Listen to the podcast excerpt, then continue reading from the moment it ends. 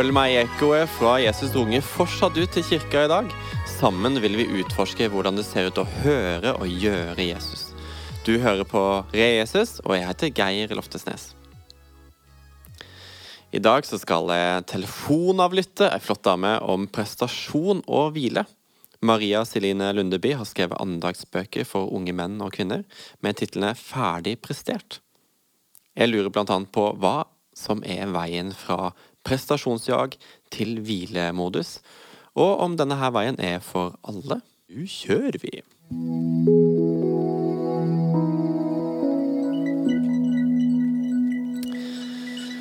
Maria, Maria Celine, tusen takk for at du er med over telefon. Det er litt sånn uh, fun fact, for Jeg trodde at du bodde et annet sted og tenkte vi skulle spinne live. men så er det sånn at det du vil dele med oss, det er så verdifullt, så derfor tar vi det over uh, telefon. Men, det er hyggelig. Ja, sant. Du, Vi må bli litt kjent med deg, og vi har en sånn spalte her. Så se, se for deg følgende. Vi spoler noen år tilbake i tid, og Sven Arne Lundeby han er ungkaren i en eller annen sesong av TV-programmet med samme tittel og du skal overbevise han om at du er den rette. Og Nå vet vi jo at du slipper det, for han er mannen din, men hvilke tre egenskaper tror du at du hadde trukket fram da? oi, oi, oi, oi. Eh, om meg sjøl, for å selge meg inn, regner jeg med. Ja. Mm. Eh, bedre enn et jobbintervju, dette her. um, han hadde jo sett at jeg er livsglad og skravlete. Og det hadde sikkert solgt meg bra inn. Eller så kan jeg også avsløre at jeg strikka votter til han. Eh, og det tror jeg han eh, tolka som at det lå kjærlighet i hver maske.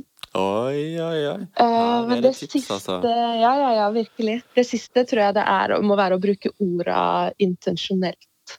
Oi. Og ja, la han få skjønne at eh, jeg liker det jeg ser, ved å få det fram med orda på en eller annen måte. Ja. Er du intensjonell? Ja, det vil jeg si. Ja. Mm. ja. Og det har kanskje resultert i at du har skrevet andaktsbøker med tittelen 'Ferdig prestert'. En fengende og aktuell tittel. Er du ferdig prestert? ja. Det har blitt brukt som en vits om både hvor mange barn vi skulle ha og alt mulig, det der. dårlig gjort. ja, det er dårlig gjort. Men eh, nei, jeg, eh, jeg, tror, ja, jeg er det jeg har landa i eh, en identitet hvor alt er ferdig prestert, og det er god hvile i mm. livet med Jesus. Så tittelen står seg, men aller mest fordi den handler om Jesus, da. Jeg er jo litt uh, nysgjerrig. altså Springer denne her andagsbokdrømmen ut ifra egenvandring på temaet, eller betrakter du prestasjonsjaget på utsida og vil komme med hjelp og løsning i møte med unge mennesker? Jeg tror eh, både, det, både, ja og ja. Det, det, jeg tror Gud har lagt meg det på hjertet fordi det er en prosess jeg har gått igjennom sjøl, og måtte innse min egen utilstrekkelighet, men også hvor stort det er at alt det jeg ikke får til, har Jesus fiksa. da. Mm. Uh, og at det står fast og er forankra og ja, er ferdig. Uh, men uh, jeg vet jo også at det resonnerer veldig hos egentlig alle mennesker, da. Mm. det er jo min bestefar som satt og sang 'Det er nok', det som Jesus gjorde, det er eh, egentlig akkurat den samme tematikken som bare spinner videre på det. Men som eh, Den kom jo ut i 2016, og det var midt i alt snakket om generasjon prestasjon og hele mm. pakka. Og jeg tror jo at vi alle kjenner på det, i mm. alle generasjoner. Og så kan det ha noe med personlighet å gjøre òg, da, selvfølgelig. Mm. Jeg er nok litt sånn ekstra opptatt av å prestere og knytte verdien min til det. Og da har det vært en enorm frihet, rett og slett, i å lese Bibelen inn i den personligheten jeg har. Ja, fint. Ja, for Bøkene dine har jo vært eh, retta mot unge menn og kvinner. Du har skrevet én for unge kvinner og én sammen med mannen din for, mot uh, unge menn. Rettet mot unge mm. menn. Eh, og som du sa, så er det jo kjent at den oppvoksende generasjonen, Gen Z, eh, er jo omtalt som generasjon eh, prestasjon. Her er det jo mange mm. flinke piker og gutter, eh, hvor presset om å være flink, prestere, kommer fra egentlig ganske mange ulike kanter og er ganske sånn sammensatt. Um, I en tidligere podkastepisode så berørte Bjørn Wang at unge i dag sier at de er mye slitne, men at det mm. kanskje ikke handler om arbeidsmengde, men sitter vel så mye i hodet. Han nevnte f.eks. identitetsproblematikk, mediekjør, det å alltid være pålogga osv. Altså, gjenkjenner du dette her? Altså, og hva eventuelt er dine refleksjoner? Ja, jeg gjenkjenner det hos de, men jeg gjenkjenner det jo også hos meg. Mm. Og alle imellom. Og jeg tror vi lever i en sånn verden hvor vi tror at det er mulig å eh, ha det perfekt, egentlig. Mm. Eh, og det tror jeg jo kanskje er den største løgnen vi kan basere livet på, fordi da blir livet et jag, da. Og så tror jeg, jeg tror det er mange analyser man kan gjøre her med, med alt vi fyller tida med og tror vi kan gjøre alt 100 og så kan vi ikke det. Og så mm. tror jeg den lengselen vår etter det perfekte egentlig er noe fra skapelsen av, da. Um, at vi gjerne vil oppnå det perfekte og det fullkomne, og så når vi gjør det til en sånn prestasjonsgreie, så blir vi så skuffa, og da blir vi jo slitne, for vi, vi oppnår det ikke. Hm. Men så tror jeg jo egentlig det er med på å peke oss i retning av den perfekte. Og at Gud har gjort alt for oss, sånn at vi kan få hvile i det. Og det, det er jo det det er, å finne Jesus, eller å bli funnet. Det er jo hvilen som det gir. Også hjelp til å sortere litt i tankene og i hva som gir virkelig verdi, og hva som er viktig. Mm. Og ja, Vi kan, kommer sikkert tilbake til det òg, men, men, min verdi ble jo forankra når jeg lå i senga i et mørkt rom, liksom. Fordi da måtte jeg virkelig ta et oppgjør med meg sjøl på hva er det jeg knytter min egen verdi til? Eh, fordi nå klarer jeg ikke å prestere noe lenger, og er jeg da verdiløs, liksom? Mm. Og så møter Gud meg der i det mørket, og så bare har det ingenting å si. Fordi han elsker meg like høyt uansett om jeg ligger der i et mørkt rom. Mm. Og det er så radikale nyheter, da. Mm. Inn i vår tid. Og egentlig så tror jeg at det er kanskje den viktigste nøkkelen for å forkynne evangeliet til eh, oss som lever i dag. At eh, det vi tror vi kan oppnå sjøl og jager etter, og, og, bare det at vi tror at alt kan være bra, det er jo en illusjon. Alle har sine ting som er vanskelige, som vi strever med. Og det, så lever vi her i vår vestlige verden og tenker at vi kan liksom fikse alt. Men uh, jeg tror ikke vi kan det. Nei, det er jo litt sånn radikalt å si, men det er jo ja. litt befriende å slå seg til ro med det. Det er det. Ja. Altså, det vi snakker om nå, er ganske sånn dype ting. Og så lurer jeg mm. på hvor, hvordan kan vi komme i kontakt med så dype ting i oss? Altså for, for, å si det og, og, fortelle og snakke om det til folk kan jo bli litt sånn eh, Ja, men jeg kjenner meg ikke igjen i det. Men egentlig på et dypere plan så er det sånn at vi lengter etter noe fullkomment, og at det er eh, at, det, at det er noe annet enn, en at vi skal få til alt, at livet skal være perfekt, perfekt osv. Altså, ja. hvordan kan vi hjelpe folk å komme i kontakt med disse dype sidene? Ja, jeg, jeg, tror kanskje at første gang man hører noen si noe om det, så blir det litt sånn Oi, hva var det her? Ja. Eh, fordi vi er så vant til at alt er så overfladisk. Mm. Um, men jeg tror nok òg at det kan vekke en lengsel hos folk hvis de først hører noe om det. Og at uh, alle mennesker går i sine prosesser med Gud og med uh, å oppdage og bli kjent med seg sjøl og liksom bli forankra i den identiteten vi har som kristne. da. Mm. Um, så, så, jeg tror bare å begynne å snakke om det er et viktig skritt på veien. Og så, og så tenker jeg alltid når det gjelder ting som skal formidles, at hvis man den som snakker om de store, dype tinga, gjør det på en personlig måte, mm. og formidler det som en erfaring fra livet, så tror jeg det når inn på en egen måte. I hvert fall gjør det det når jeg lytter til ting. da. Eh, andres historier de er alltid verdt å lytte til, og de er det de andre som eier. Så da senker jeg liksom garden litt også. Tenker ikke at jeg nødvendigvis må være enig eller uenig i alltid, men bare lytte til hva andre har opplevd, og så, og gjør det noe med meg, da, og hvordan jeg tenker om meg sjøl, og ting jeg kan bli nysgjerrig på og få lyst til å utforske mer, og ja. Hm. Så fint.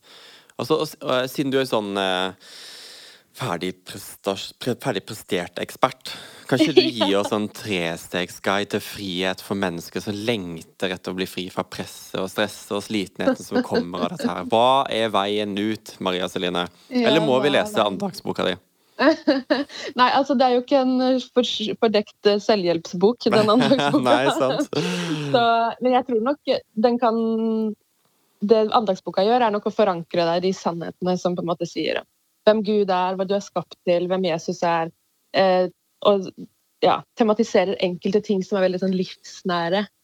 Um, som har med relasjoner å gjøre og alt sånt der. Men, men uh, friheten finner vi jo i Jesus. Og det som er så fantastisk med Jesus, er jo at vi kan bli bedre og bedre og bedre og bedre kjent med han. Mm. Uh, og det å Altså, jeg blei en bevisst kristen og sa ja til å følge Jesus når jeg var 15. Og livet ser jo helt annerledes ut nå eh, 13 år etterpå. Og det er jo Nei, 13 år etterpå. 23 år etterpå. og det er jo fordi det jeg erfarer, er at Jesus bryr seg om hele livet. Men han tar liksom ikke hele pakka og fillerister den med en gang. Men han går liksom med meg gjennom livet og lærer meg stadig nye ting. Og jeg får hans perspektiv på det livet jeg lever, liksom gradvis. Og det er jo frihet i det. Det er en enorm frihet i å, i å bli kjent med Jesus. Og bare få liksom Oi, det er sånn som er riktig å tenke om verden, liksom. Det er dette jeg er skapt til. Det er dette som er den gode hensikten. Eh, det er dette som er friheten i å være frelst. Og så er det allikevel så mye mer frihet i det å finne sin egen identitet mm. gjennom livet, da. Sånn trestegsguide tror jeg ikke jeg har. Men å liksom tillate seg sjøl også, bare være sammen med Jesus og se hvor det fører en. Og snakke med Jesus om alt som er livet. Og, og våge å sette ord på det som vi kjenner binder oss, da. Det kan jo være forskjellige ting. Det kan være ting i historien vår, livserfaringer, um, oppvekst eller relasjoner vi har, eller liksom alle de tinga der. Men å, å, våge å gå litt inn i de prosessene der sammen med Jesus, og gjerne sammen med en sjelesørger òg, mm. det òg er det masse, masse frihet i. Ja, så fint.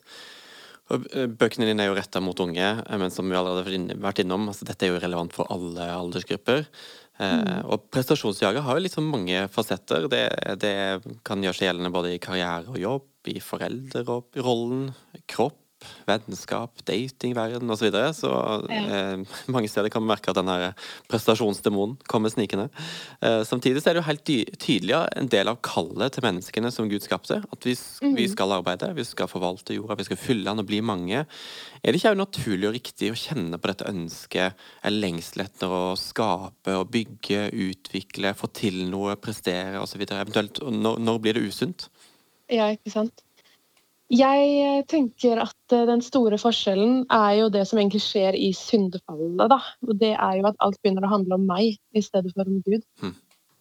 Og um, den, jeg tror Gud elsker å se at vi koser oss med ting. Og at vi får blomstre i gavene og talentene våre og det vi er gode på. Selvfølgelig skal vi få være med og på en måte jobbe, jobbe og bety noe. Eh, og det er vi virkelig skapt til. Men, men med en gang vi knytter identiteten vår til hva vi gjør, så blir det vanskelig, da. Eh, jeg sier ikke at det nødvendigvis blir alt det, at det blir helt feil, men jeg tror vi gjør det vanskelig for oss sjøl med en gang eh, det skjer. Og så tror jeg det skjer helt automatisk, så du må virkelig jobbe med å bli bevisst på det for å bli fri fra det. Mm. Um, for, så for min del så handler det jo også kanskje om den ubevisste tingen. Altså, det er kanskje det vanskeligste med det. fordi jeg kan jo tenke sånn, ja, men jeg gjør jo ikke dette for å bli lagt merke til eller for å være flink, men så når alt kommer til alt, så gjør jeg det likevel. Mm. Det er en veldig viktig del av min motivasjon eller min drivkraft at jeg har lyst til å bli lagt merke til, eller jeg har lyst til å være hun flinke, jeg har lyst til å få de komplimentene og bety noe, liksom. Og så er det egentlig egentlig kanskje et godt ønske òg. Jeg har lyst til å være viktig jeg har lyst til å bety noe i denne verden. Men så blir det noe negativt allikevel, fordi det binder meg òg, da. Fordi når jeg da ikke får det til, så, så blir jeg så lei meg. Eller eh, skuffa. Hm. Og da handler det jo ikke om Gud lenger. Da handler det om meg. Ja. Men når jeg blir trygg i at det, eh, Gud har utrusta meg på den måten han vil, og han kan bruke ulike sesonger i livet på forskjellige måter, og selv om jeg ikke får til noe i en lang periode, så er jeg fortsatt like verdifull. Det rokker ikke ved liksom, det grunnleggende i meg. Jeg er trygg og forankra uansett. Så eh, da blir perspektivet helt annerledes igjen. Hm. Dette her med identiteten sin i det man gjør, det synes jeg er ganske sånn interessant. Noen ganger har jeg gjort litt sånn tankeeksperiment på hva om alt det gjør, hadde blitt tatt fra meg? Hadde mm. mista noe av meg sjøl da? Hvilke bilder av meg mm. sjøl sitter jeg igjen med? Og, mm. og, spørsmålet blir litt sånn Er det mulig å gi hjernen jobben, men samtidig være fri fra at det blir vår identitet? um, ja, ja, i hvert fall i mye større grad enn hvis man er helt ubevisst på det. Mm. Uh, og du gjorde det som et tankeeksperiment. Jeg gjorde det som et reelt livseksperiment. Jeg blei utbrent når jeg var uh, eh, 21. Og blei helt lenka til senga. Og legen ville egentlig gi meg ME-diagnose. var dårlig i to år, og så kom jeg meg på beina igjen. Um, og det er min viktigste livserfaring og troserfaring kombinert. Og um, det forankra meg i akkurat det spørsmålet du har der. Mm. Hva, det tankeeksperimentet Hva hvis jeg ikke kan gjøre noen ting? Jeg kunne ikke gjøre noen ting. Jeg lå, lå i et mørkt rom, og det var en kjempebragd hvis jeg dusja en dag, liksom. Og og da, da, er det vondt å kjenne på at nå betyr jeg ingenting lenger. Nå er det ingen som trenger meg. Det er, jeg, det er ingen som spør om vi skal treffes, fordi alle vet jeg er sjuk. Jeg har ikke noen ting lenger, liksom. Det har ikke noe å si om jeg har en kul bukse engang, fordi jeg får ikke vist den fram. Um, alt var liksom bare tatt fra meg da, av det jeg ubevisst og bevisst hekta identiteten på. Og da kom Guds stemme snikende til meg med at jeg er hans barn, jeg er høyt elska.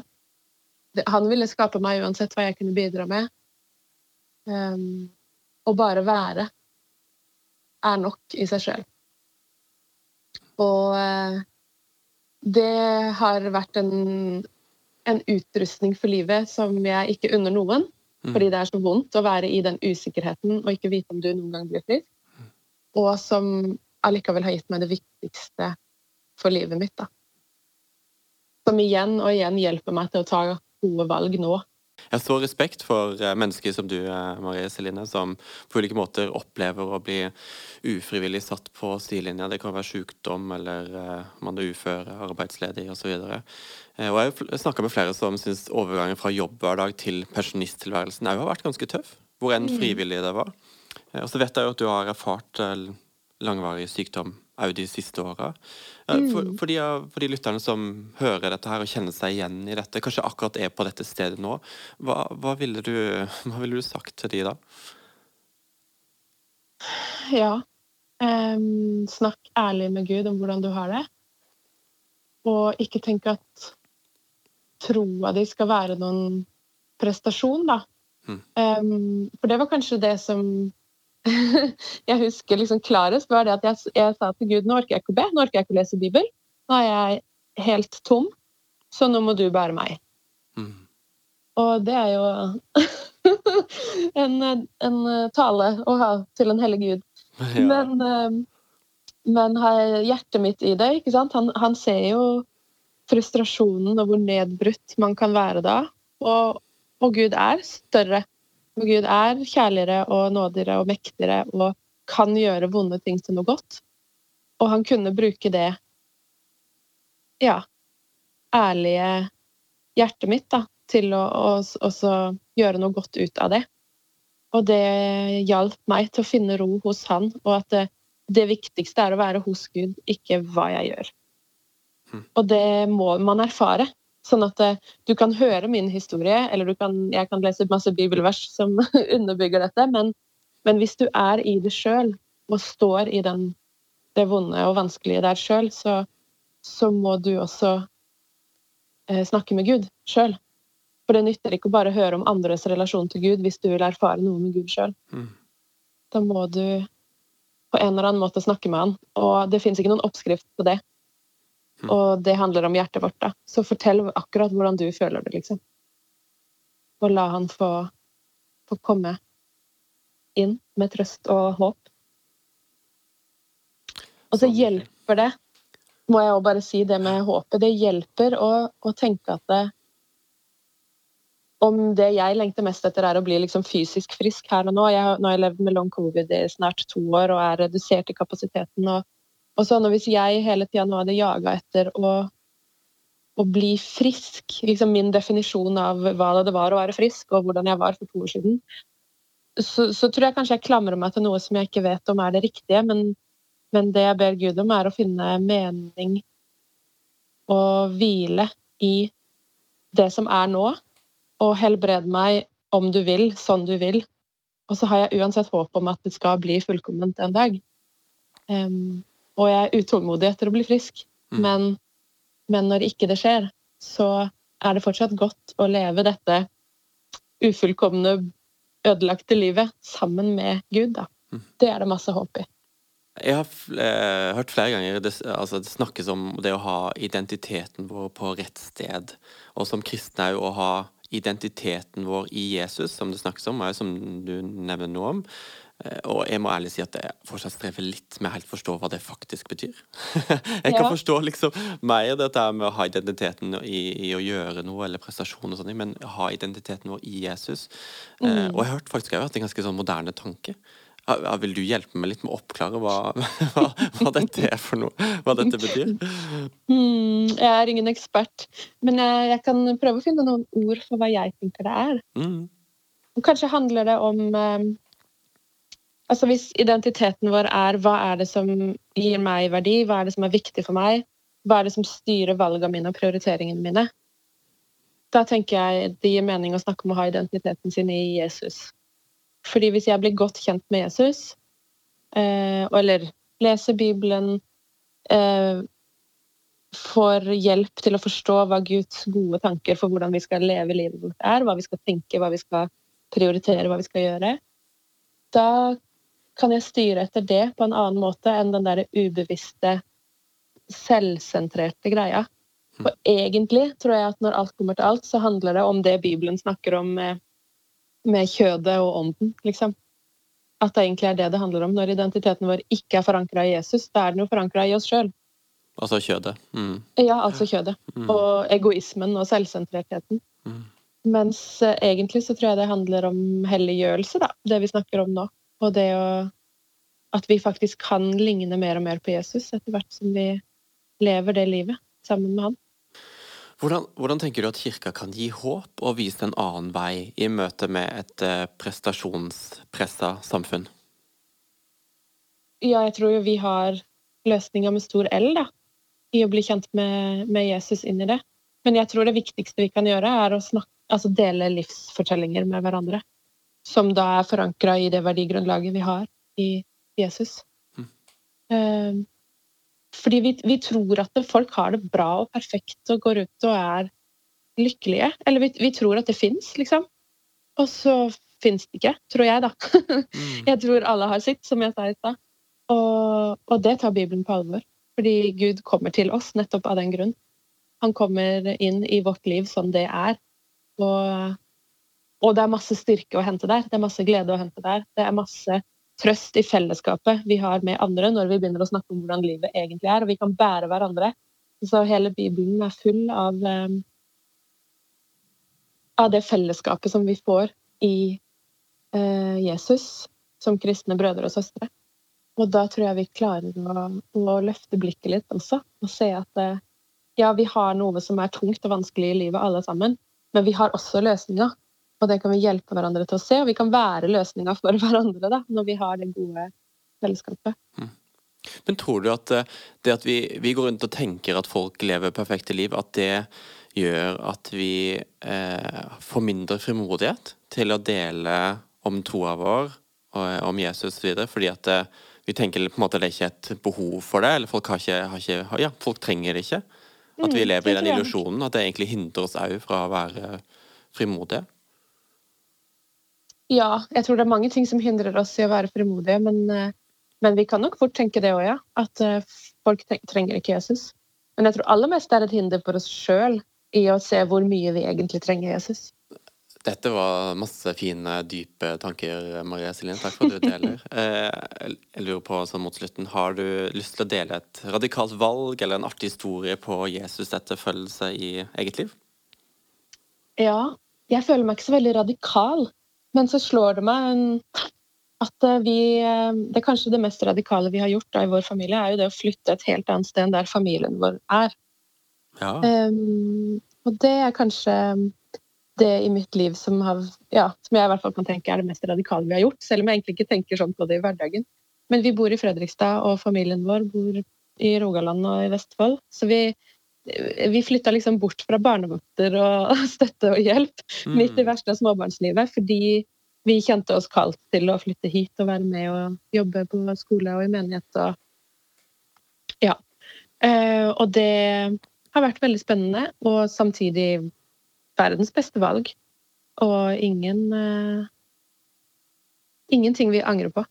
Samtidig som det er litt sånn motstrømst, kanskje, da i en sånn småbarnsfase, og ikke liksom sikre seg med noen besteforeldre i nærheten. Og, og sånn. Men det er eh, Vi spurte Gud om hvor vi skulle flytte, og så dukka dette opp. Det. Og så har det vært godt. Og så blir man jo velsigna med venner som er, blir familie og sånn, da. I stedet. Så det Det har vært bra. Så fint. Altså, det, det, det der er radikalt. så veldig fint å dele. Du, eh, Maria Stelin, tusen takk for at du var med og delte så mange fine tanker. Takk skal du ha. Veldig hyggelig.